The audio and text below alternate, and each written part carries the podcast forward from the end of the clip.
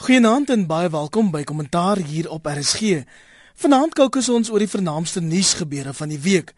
Die akte van beskuldiging teen die nasionale vervolgingsgesag lees soos 'n riller, maar 'n onverwagse uitspraak in die Hooggeregshof kan geloofwaardigheid herstel.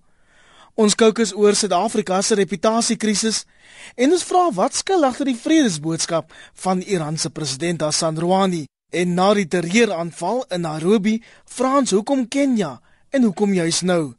My naam is Aver Price en die paneel vanaand is rapport se redakteur Waldemar Pelser, die joernalis en politieke kommentator Max de Pre en professor Dirk Coetzee, 'n politieke ontleder by Unisa.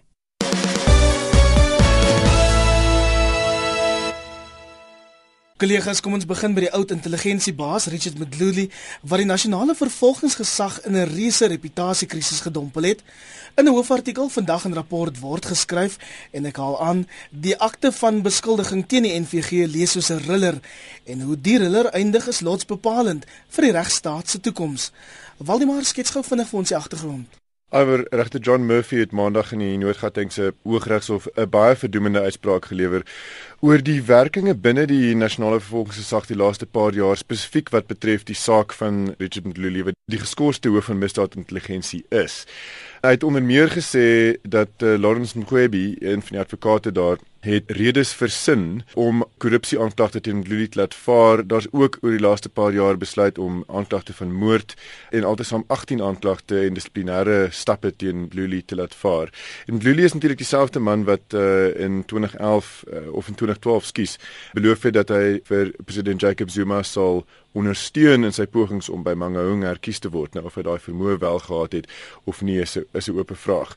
En, en wat Maandag se uitspraak gedoen het is dit het in baie onvleiende skerp lig geskyn op die NVG se vatbaarheid vir politieke inmenging. Ehm um, op die prosesse binne die NVG wat nie agslaan uh, op regsadvies oor vervolgings nie.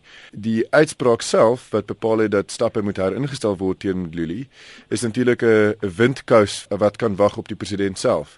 Die DA probeer steeds en dis nou by die appel van Bloemfontein om sy hande te lê op hierdie spionasiebande wat die NVG destyds gesê het kan wys wat die redes was vir die besluit om destyds uh, die 700 korrupsieklagte teen Zuma self te laat vaar. Soos Waldemar nou tereg gesê, die Noord-Gautengse Hooggeregshof het beslis dat die topamptenare wat besluit het om klagtes teen Mdluli te laat vaar, onreëlmatig, irrasioneel, onredelik was. Max, is dit 'n aandering dat geregtigheid tog eendag sal kan geskied? Ons moet so hoop. Ek dink Maandag se uitspraak is een van die belangrikste hofuitsprake sedert 94. En dis die naaste dink ek wat ons kom aan 'n aan 'n grondwetlike krisis dat ons vervolgingsgesag nou duidelik deur politiek eerder as deur die reg beheer word. En dit is die versekering wat ons het en dis die versekering wat ons gesien het ook met advokaat Linus Breitenberg se sake. Dit dat ons howe werk nog. Ons howe is nog onafhanklik en is nog toeganklik. En as ongrondwetlike goed gebeur, dan kan 'n mens nog na die hof wend. En ek dink dit is besig om president Zuma en sy binnekring hoogs te irriteer want die Dennis Breitenberg sake is deel van hierdie hele ding die laatvaar van kriminele aanklagte teen president Zuma deur uh, Kotedi Mche uh, tyd gelede is deel van dieselfde probleem. So ja, dit is 'n ding wat ons ernstig oor moet bekommer. Een van die steunpilare van ons stabiliteit en ons demokrasie is die onafhanklikheid van ons reg en daarbey is die nasionale vervolgingsgesag se onafhanklikheid ingesluit. En nou moet ons net sê gelukkig het ons nog 'n hof wat 'n besluit kan neem soos laas maandag En nou sou ons moet kyk, wat maak die regering en wat maak die nasionale vervolgingsgesag want van tevore het ons gesien die nasionale vervolgingsgesag is opdrag gegee deur die Hoërhof om bande beskikbaar te stel wat uh, verband hou met uh, die aanklagte teen president Zuma. En hulle het dit min of meer geïgnoreer. So die regering se houding is kom ons sloer so 'n bietjie. Ons ons sê nooit ons gaan dit nie doen nie. Ons sê nooit nee vir die hof nie. Maar ons kan net sloer en sloer en sloer en ek dink daai proses is dalk nou stopgesit. Die probleem met Gluli is die man het soveel inligting. Onthou, hy is die hoof van misdaad en intelligensie gewees, minder misdaad inligting. Dis 'n sleutelpos. Dis die man wat meer weet van die private sake van politici as enige ander lewendige persoon. En dit is dink ek waar hy sy mag vandaan kry en dit is hoekom hy sy lyf so kan rondgooi. En een van die mense van wie hy skynbaar baie weet is president Jacob Zuma homself.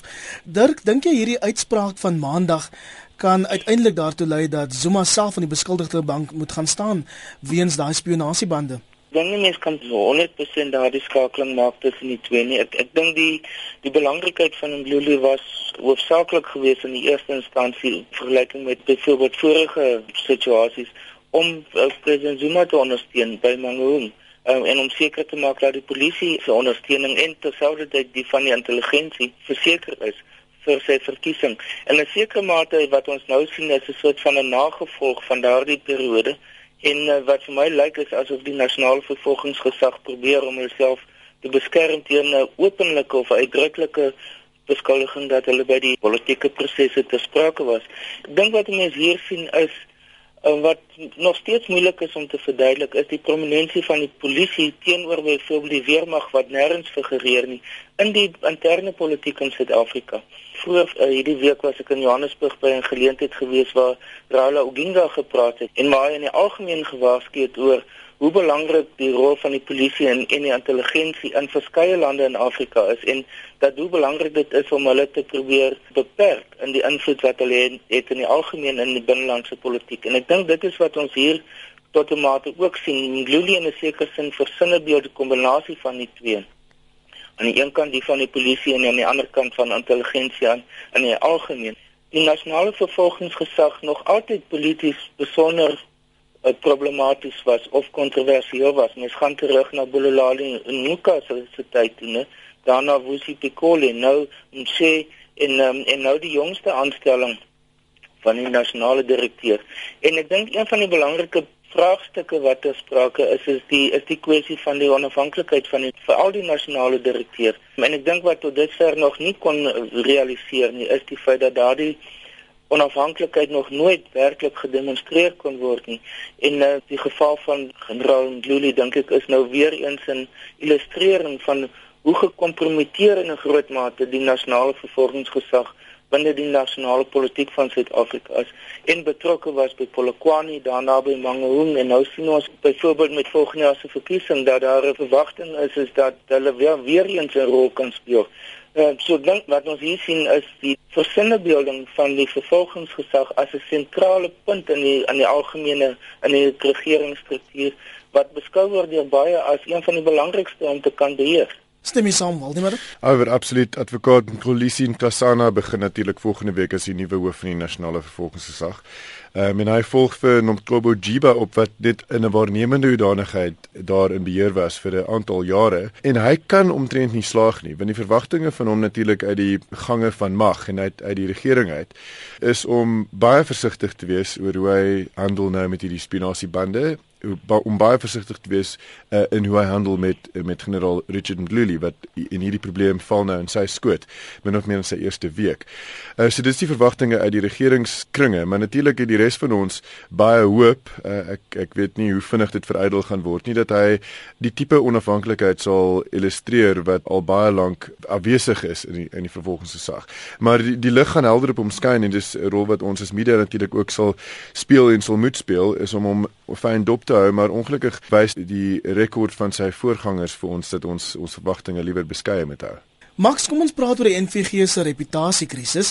Sy onlangse rekord is baie swak, die publiek het vertroue verloor en mense sien dit selfs van lede van die publiek op sosiale media. Hulle skeelvol vir die besluite van die NVG. Ja, dit bring die hele grondwet en die hele regstelsel se geloofwaardigheid in bedwang. Die kritieke ding daar is wie moet vervolg word en wie moet nie vervolg word nie. En dit is amper 'n besluit wat jy nie in die openbaar neem. Ons ken nie altyd die feite nie. So ons moet daardie die nasionale direkteur van nasionale vervolging moet ons kan vertrou. Ons moet ons moet hom vertrou soos ons regters kan vertrou dat hy met die inligting tot sy beskikking die korrekte besluit sal neem. En nou is ons vermoede Nee, die korrekte besluite word nie geneem wanneer dit kom by politiek, by mense met politieke bande nie.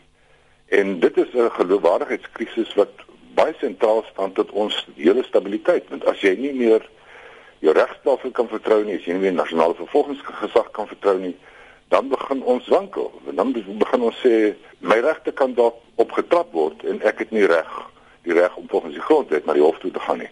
Die enigste voordeel is, ek dink Waldemar het gesê die media se rol is belangrik. Ek dink ons moet die media nogal hiervoor bedank. As dit nie was vir die media rig destyds van Wusi Piccoli af van Forum by sy voorganger Wusi Simelane, die hele ding het om uitgespeel in die media. En ek dink dit is hoe belangrik die media geword het. Hierdie goed sal onder die kombers lê tot die media dit uithaal. En die tweede ding wat die nuwe direkteur van nasionale vervolging van volgende week af sal weet is die hof is onafhanklik en die hof gaan vir jou skraap as jy verkeerde besluite neem. Ek dink dis die les wat ons kan leer van die laaste klomp goed wat gebeur het met die nasionale vervolgingsgesag ook met swak aanstellings so Simelane.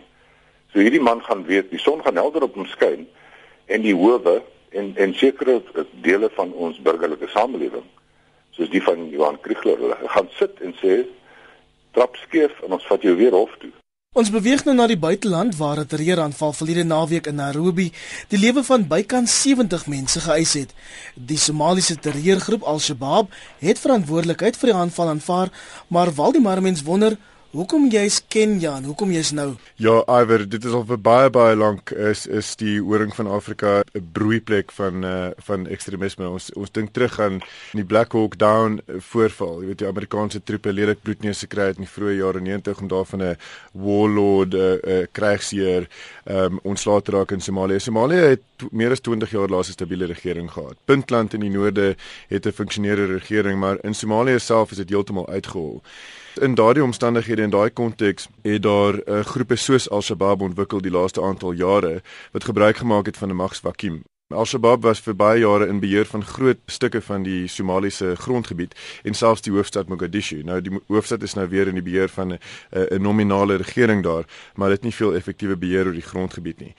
Ehm um, so meng dit dan in by uh, die rol van Al-Qaeda in die streek, ehm um, Al-Qaeda in die in die Islamitiese Maghreb wat in Wes-Afrika en die Sahel 'n groot rol speel met uh, diep uh, Islam wortels in daai deel van die wêreld en geweldige armoede en onstabiliteit.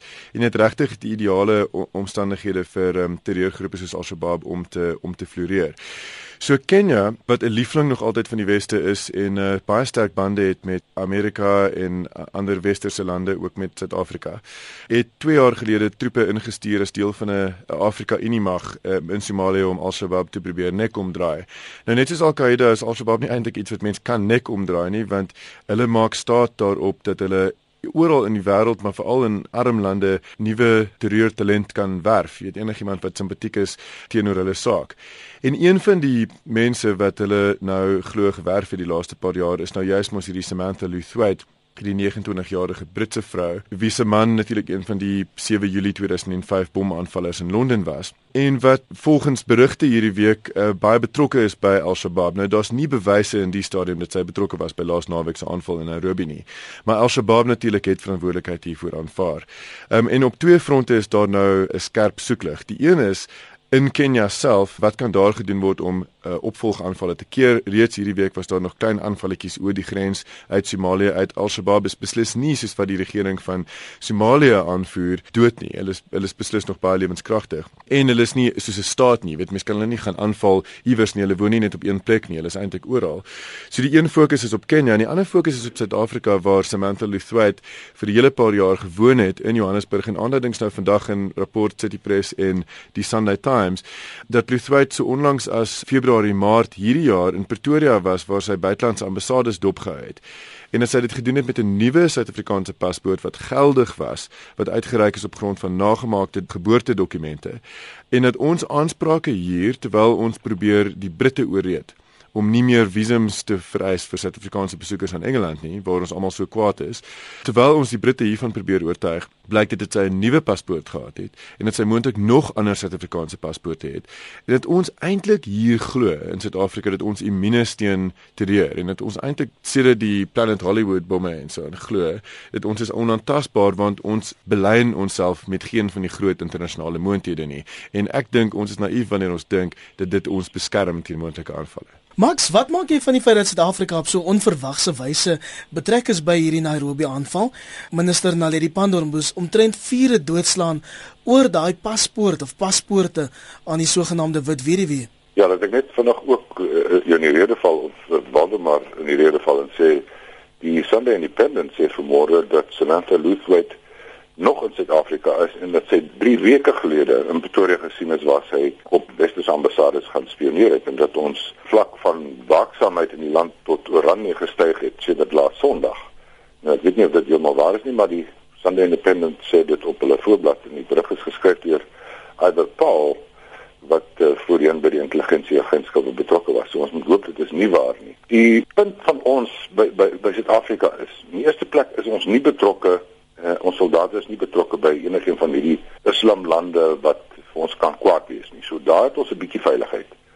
Aan die ander kant is ons grense is baie oop. Ons bankstelsel werk die beste in Afrika. Ons kommunikasiestelsel werk die beste in Afrika. Jy kan e-posse stuur. Jy kan op die internet gaan, jy het selfone. So dis 'n ideale plek om te kom sit met ons oop grense en ons verskeidenheid van ons bevolking en goedjies te kan kom beplan as jy in in in, in Suider-Afrika Sub-Sahara Afrika belangstel met hierdie soort van motiewe. Dit is eintlik waar ons inkom. Ons het 'n groot moslimbevolking en mense dink hulle kan daar kom wegkruip. En en baie van hulle kruip wel daar weg.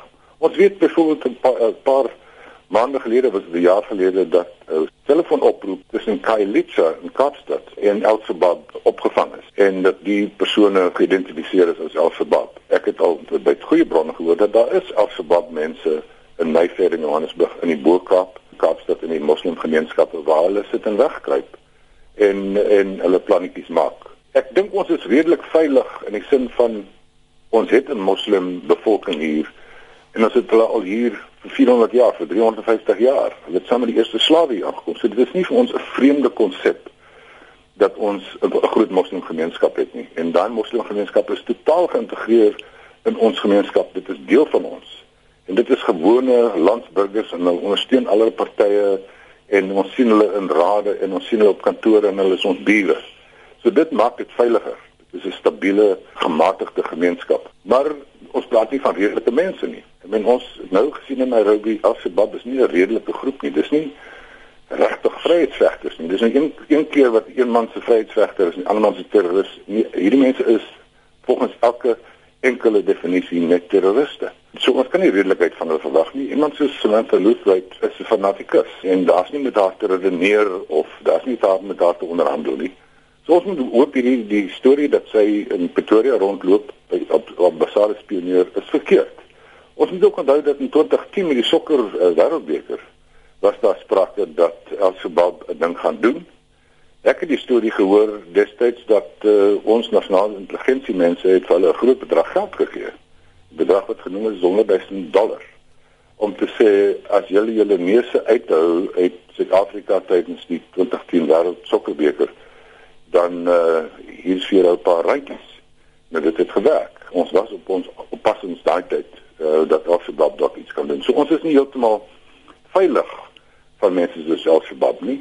En wat my nog meer uh, neerslagtig stem is ons intelligensiedienste is swak. Laat ek sê is pateties en hulle is baie meer ingestel op die interne politieke bekleierery in, in die regerende party as om die land veilig te hou. En Amerika het nou weer 'n reiswaarskuwing uitgereik aan sy burgers. Die land sê daar is 'n moontlikheid van nog aanvalle in Europa, Asië, Afrika en die Midde-Ooste. Dirk, dink jy ons moet ons weer begin staal vir nog terreuraanvalle? Al-Qaeda was byvoorbeeld vir 'n ruk lank baie stil. Ek dink die situasie met Al-Shabaab is effens anders as Al-Qaeda in die algemeen en daar's daar's sekere faktore daarvoor. Die eerste een is is dat dit is baie meer gefokus op die spesifieke vraagstukke van Somalië self en da, ek dink dit is hoekom in die eerste instansie hoekom Kenia as teken gekies is. Tweedens, ek dink die Israeliese faktor is is 'n belangrike faktor. Israel is baie betrokke in Kenia.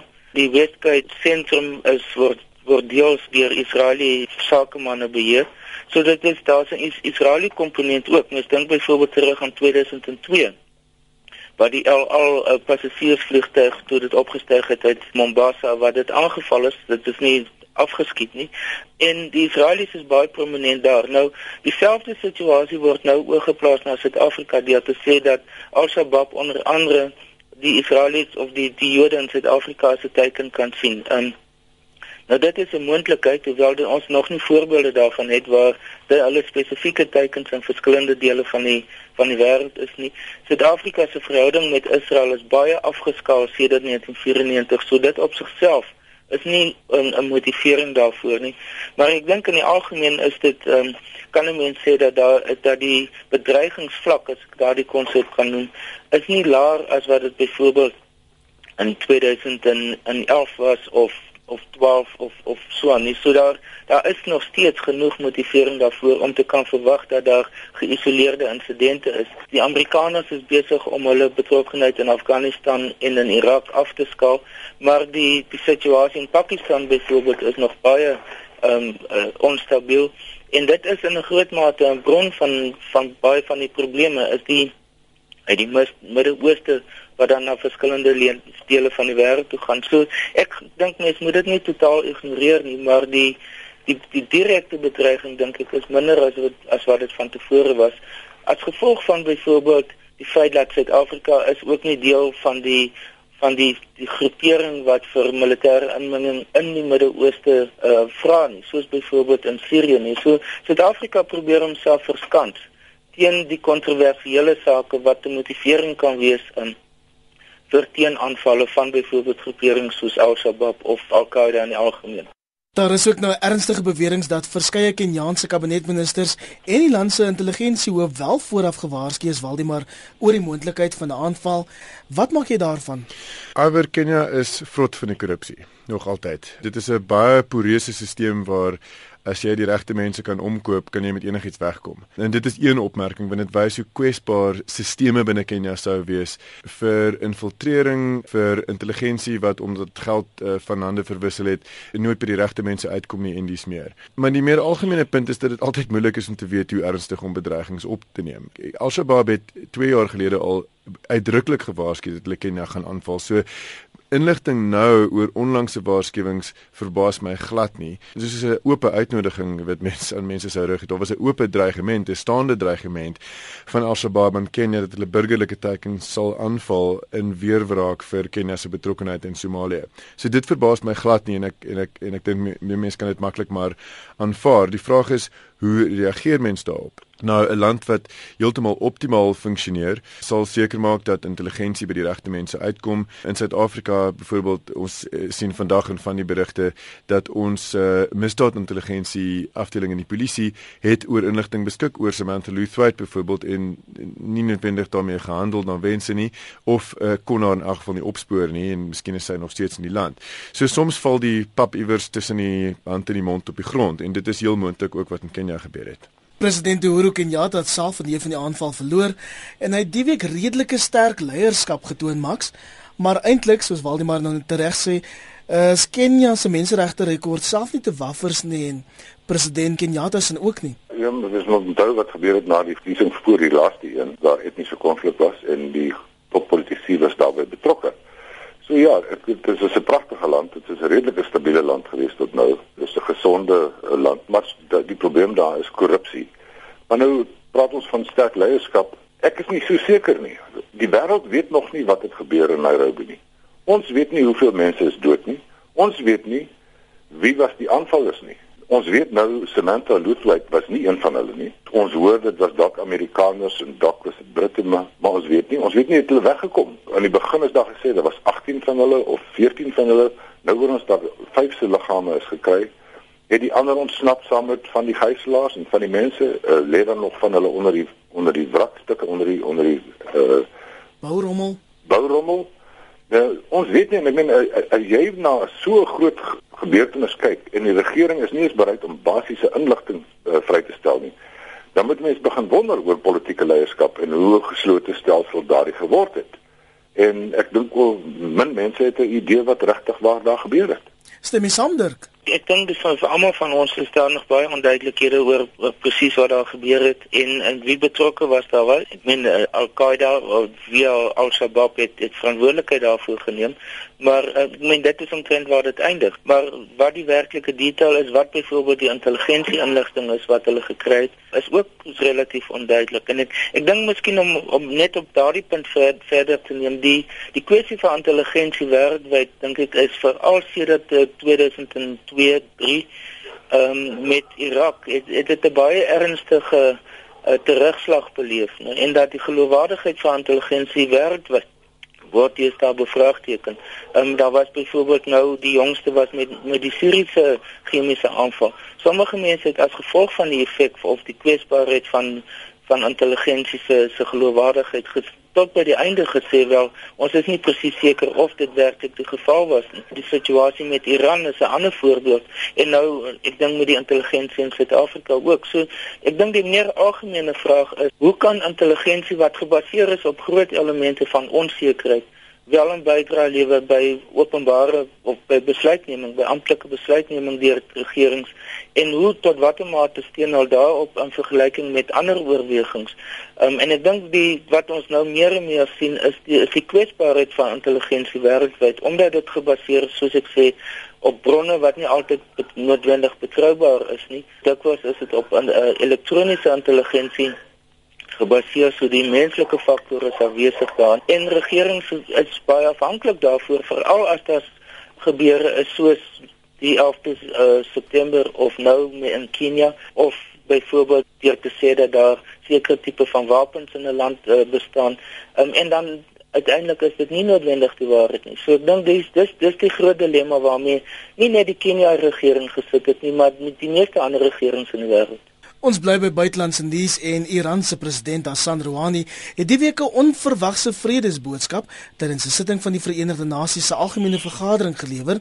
Iran is jare lank deur Amerika as die groot Satan uitgekry om nou Waldemar se koerant aan te haal, maar president Barack Obama het Vrydag ook telefonies met president Rouhani gepraat. En Max, dis die eerste keer sedert 1979 dat die presidente van Amerika en Iran met mekaar praat. Hoekom is dit so 'n besonderse oomblik? Hoor, dit is 'n besonderse oomblik dat ons daar nie verbykom nie. As jy in Amerika was in die laaste 2 jaar, sou jy weet dat elke dag kom daar gesprek op wanneer bombardeer ons Iran van die republikeine is baie kwaad oor hierdie gebeur en hulle het gedink hulle gaan lekker oorlog maak in Iran. Iran was die soort van antjie somers in Amerika gewees. Ook oor uh, die vorige president uh, Ahmadinejad was 'n fanatikus en hy het redelike wille goed gesê van oor Israel en, en die Jode en die Nazis en so aan. En skielik kom hier 'n nuwe man en ons het gehoor hy was meer gematig skielik staan hy op en en die aangesig van die politiek daar het so klein bietjie verander met 'n belofte dat dit baie kan verander. En ek dink Barack Obama het reg gereageer. Hy het, het die tekens gelees en dit begin met Sirië toe hy Sirië nie ingeval het nie. Toe hy eerder aan die Russiese plan uh, die Russiese plan gaan steun dat die chemiese wapens uh, bymekaar gemaak word. En toe kom die nuwe Iranse president en hy maak die regte geleide en Barack Obama het gespring en mooi goed begin sê het begin erken vir die uh, algemene vergadering van die VN wat 'n rol Amerika in Iran gespeel het. Hulle het regerings daar omver gewerk. Hy het die tafel gedek vir die vir die Iranse president om om uh, beter geleide te kon maak. Ek dink heel wat van ons uh, luisteraars het dalk gekyk na die onderhoud wat Christian Amanpour gehad het met hom. En dit was absoluut ek het daar gesit en gedink hier sien ek geskiedenis.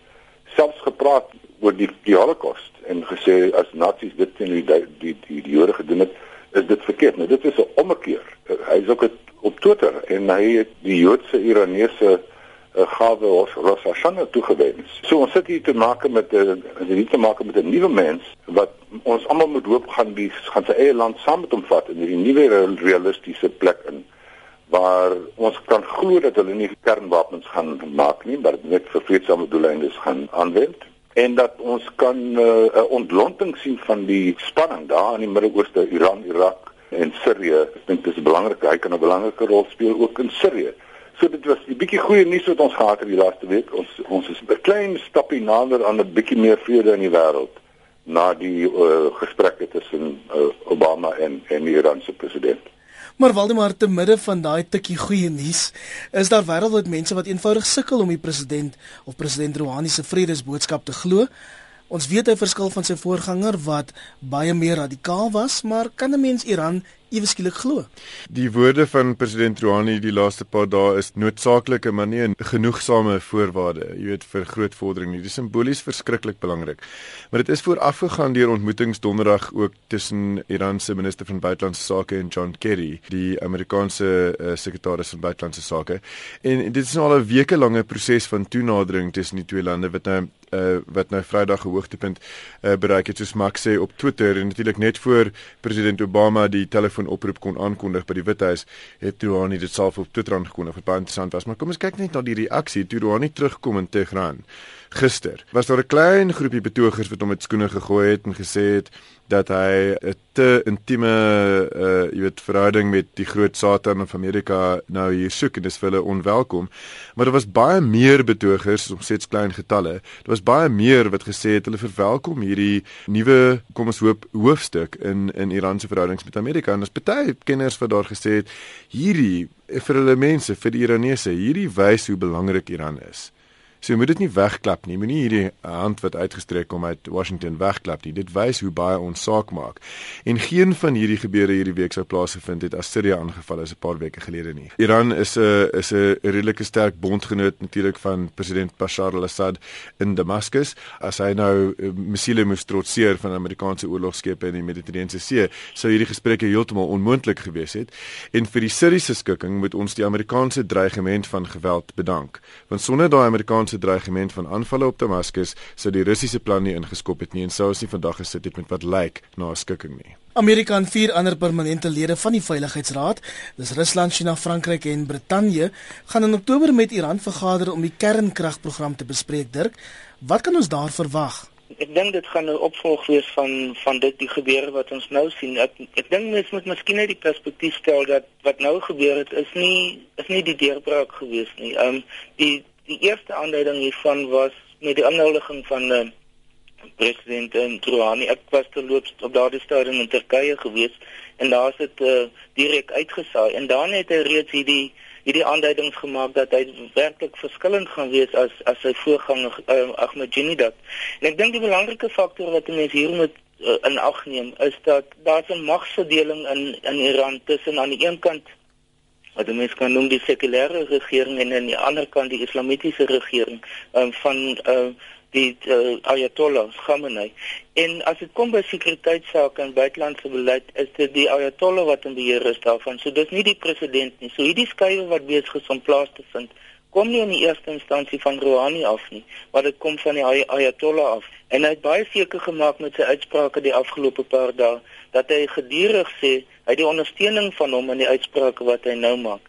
Die ander punt dink ek wat belangrik is is om te te verstaan is dat Ahmadinejad nou gesien word as 'n persoon wat eintlik bygedra het tot die verval van Iran en dat hy selfs nou daar's baie sterk sprake dat hy vervolg gaan word in Iran daarvoor.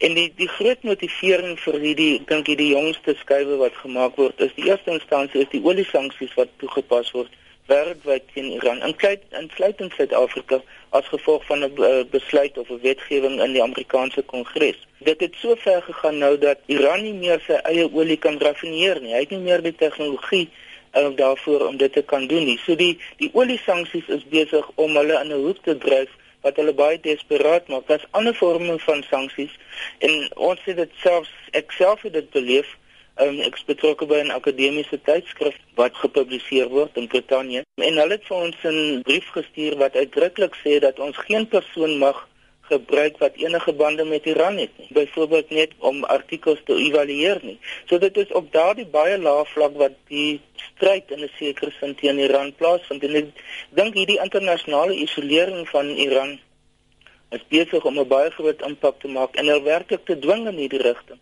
dis nie net 'n politieke besluit nie, dis 'n besluit van ek, ek sou sê desperaatheid wat hulle gedwing het om om by hierdie punt uit te kom.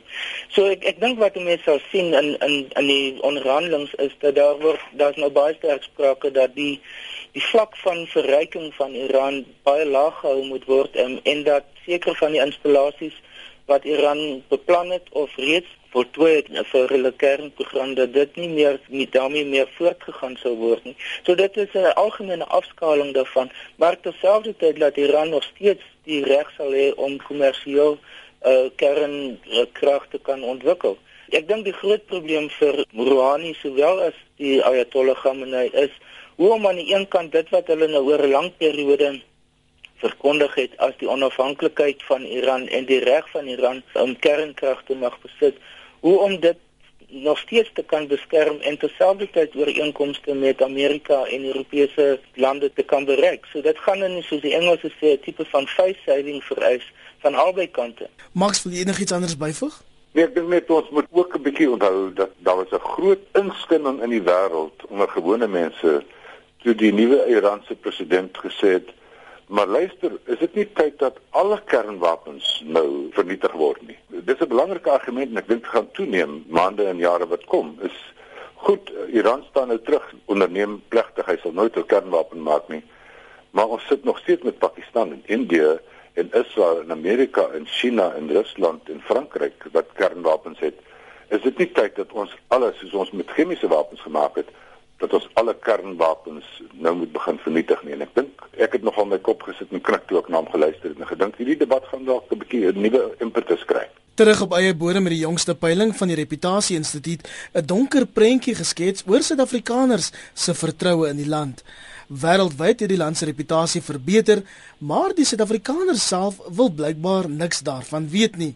Waldemar, die uitdaging is dus hoe erken ons die land se prestasies deur terselfdertyd toegewy te bly of gewone mense te kry om toegewy te bly om die uitdagings te oorkom. Ja, Iwer is maar soms 'n swartgallige klomp hier en dis interessant die verskil dat ons het verbeter op hierdie indeks.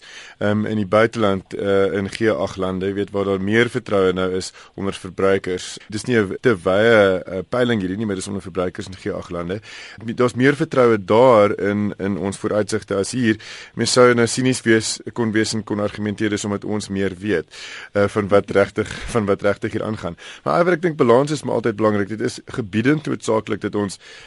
dat ons die die probleme in die land verskriklik fyn dophou. Dat ons baie baie sensitief is vir die uitkalwing van die grondwetlike demokrasie uh, wat maandag se saak van Mtluli so belangrik maak.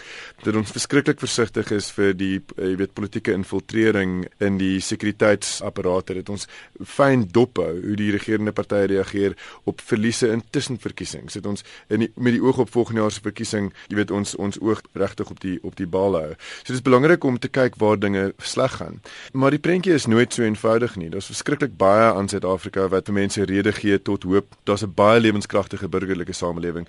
Daar's gesonde en onafhanklike howe. Dis voor mens by die sagter dinge kom soos uh, kuns en kultuur en en uh, en lewensgehalte wat vir baie Suid-Afrikaners aan die arm aan die onderkant van die sosio-ekonomiese spektrum wel baie verbeter het sedert 1994 waar daar geen vergelyking is tussen tussen baie mense nou se lewe en die van hulle ouers nie. So daar's baie vordering gemaak in sekere opsigte, maar dit beteken nie dat die prentjie ooit net negatief of net positief is nie. Suid-Afrika bekleed volgens die peiling die 28ste plek uit 50, dis nou in terme van goeie reputasie. In 2009 was ons in die 44ste plek. Max, waaraan kan ons hierdie vordering toeskryf? Ek dink mense begin 'n bietjie gewoond raak aan ons dat ons 'n bietjie snaaks optree soms as ons beter verstaan. en ek hoop ons gaan onsself ook begin beter verstaan, dan gaan ons onsself 'n syfer gee van uh, meer as 60%. Alhoewel ons moet ook onthou dat Suid-Afrikaners dink dat 30% is 'n slagsyfer. Onthou met matriek, so miskien het hulle gedink om vir ons 30% te gee as 'n slagsyfer. Ja, ek dink die wêreld kyk om hom rond en sien hoeveel onstabiliteit daar is in ander lande. Hulle kyk na plekke soos Griekeland en Spanje en allerlei ander plekke, Pakistan, Egipte En as jy Suid-Afrika begin vergelyk, ons finansiële instellings, ons ekonomie, ons howe, ons media, ons persoonlike vryheid, die posisie van ons grondwet, dan staan ons in die boonste 10% van stabiele lande in die wêreld. En ek dink Suid-Afrikaners kla graag met 'n wit brood onder die arm. Ons weet ons gaan nie 'n militêre eh, staatsgreep hê nie. Ons weet al maniere wat ons regering gaan verander as ons volgende jaar vir teen hulle gaan stem. Ons weet nog ons kan hof toe gaan as ons regte benadeel word. En ons kyk ons vas in gewelddadige proteste en gewelddadige staking. En dit affekteer nie ons sentrale stabiliteit nie, soos die proteste in Turkye en in Brasilië ook gewys het. Dit is ook stabiele lande, maar hulle het hierdie proteste gehad. Dis eerder ook 'n herinnering dat dit is demokrasie en protes is toegelaat. So ek dink die wêreld begin uh, terugkom na 'n plek wat sê maar Suid-Afrika is dalk 'n plek van hoop. En ek dink ons almal moet sê dit gaan rof gaan nou tot Mei volgende jaar wanneer ons sê 'n verkiesing, 'n rowwe verkiesing en mense gaan rowwe goed sê, maar daarna kan ons dalk kyk na 'n nuwe klein lentetjie van groei. Baie dankie. Op daardie noot is dit tyd om te groet. Dit bring ons tot by die einde van kommentaar hier op RSG. My naam is Aver Price en baie dankie aan die paneel. Rapport se redakteur Waldimar Pelser. Goeienaand, hy weer en luisteraars, baie dankie. Die joernalis en politieke kommentator Max de Pre. Dankie, Nancy. En professor Dirk Coetzee van die NISA. Goeienaand, Aver. 'n Lekker aand verder.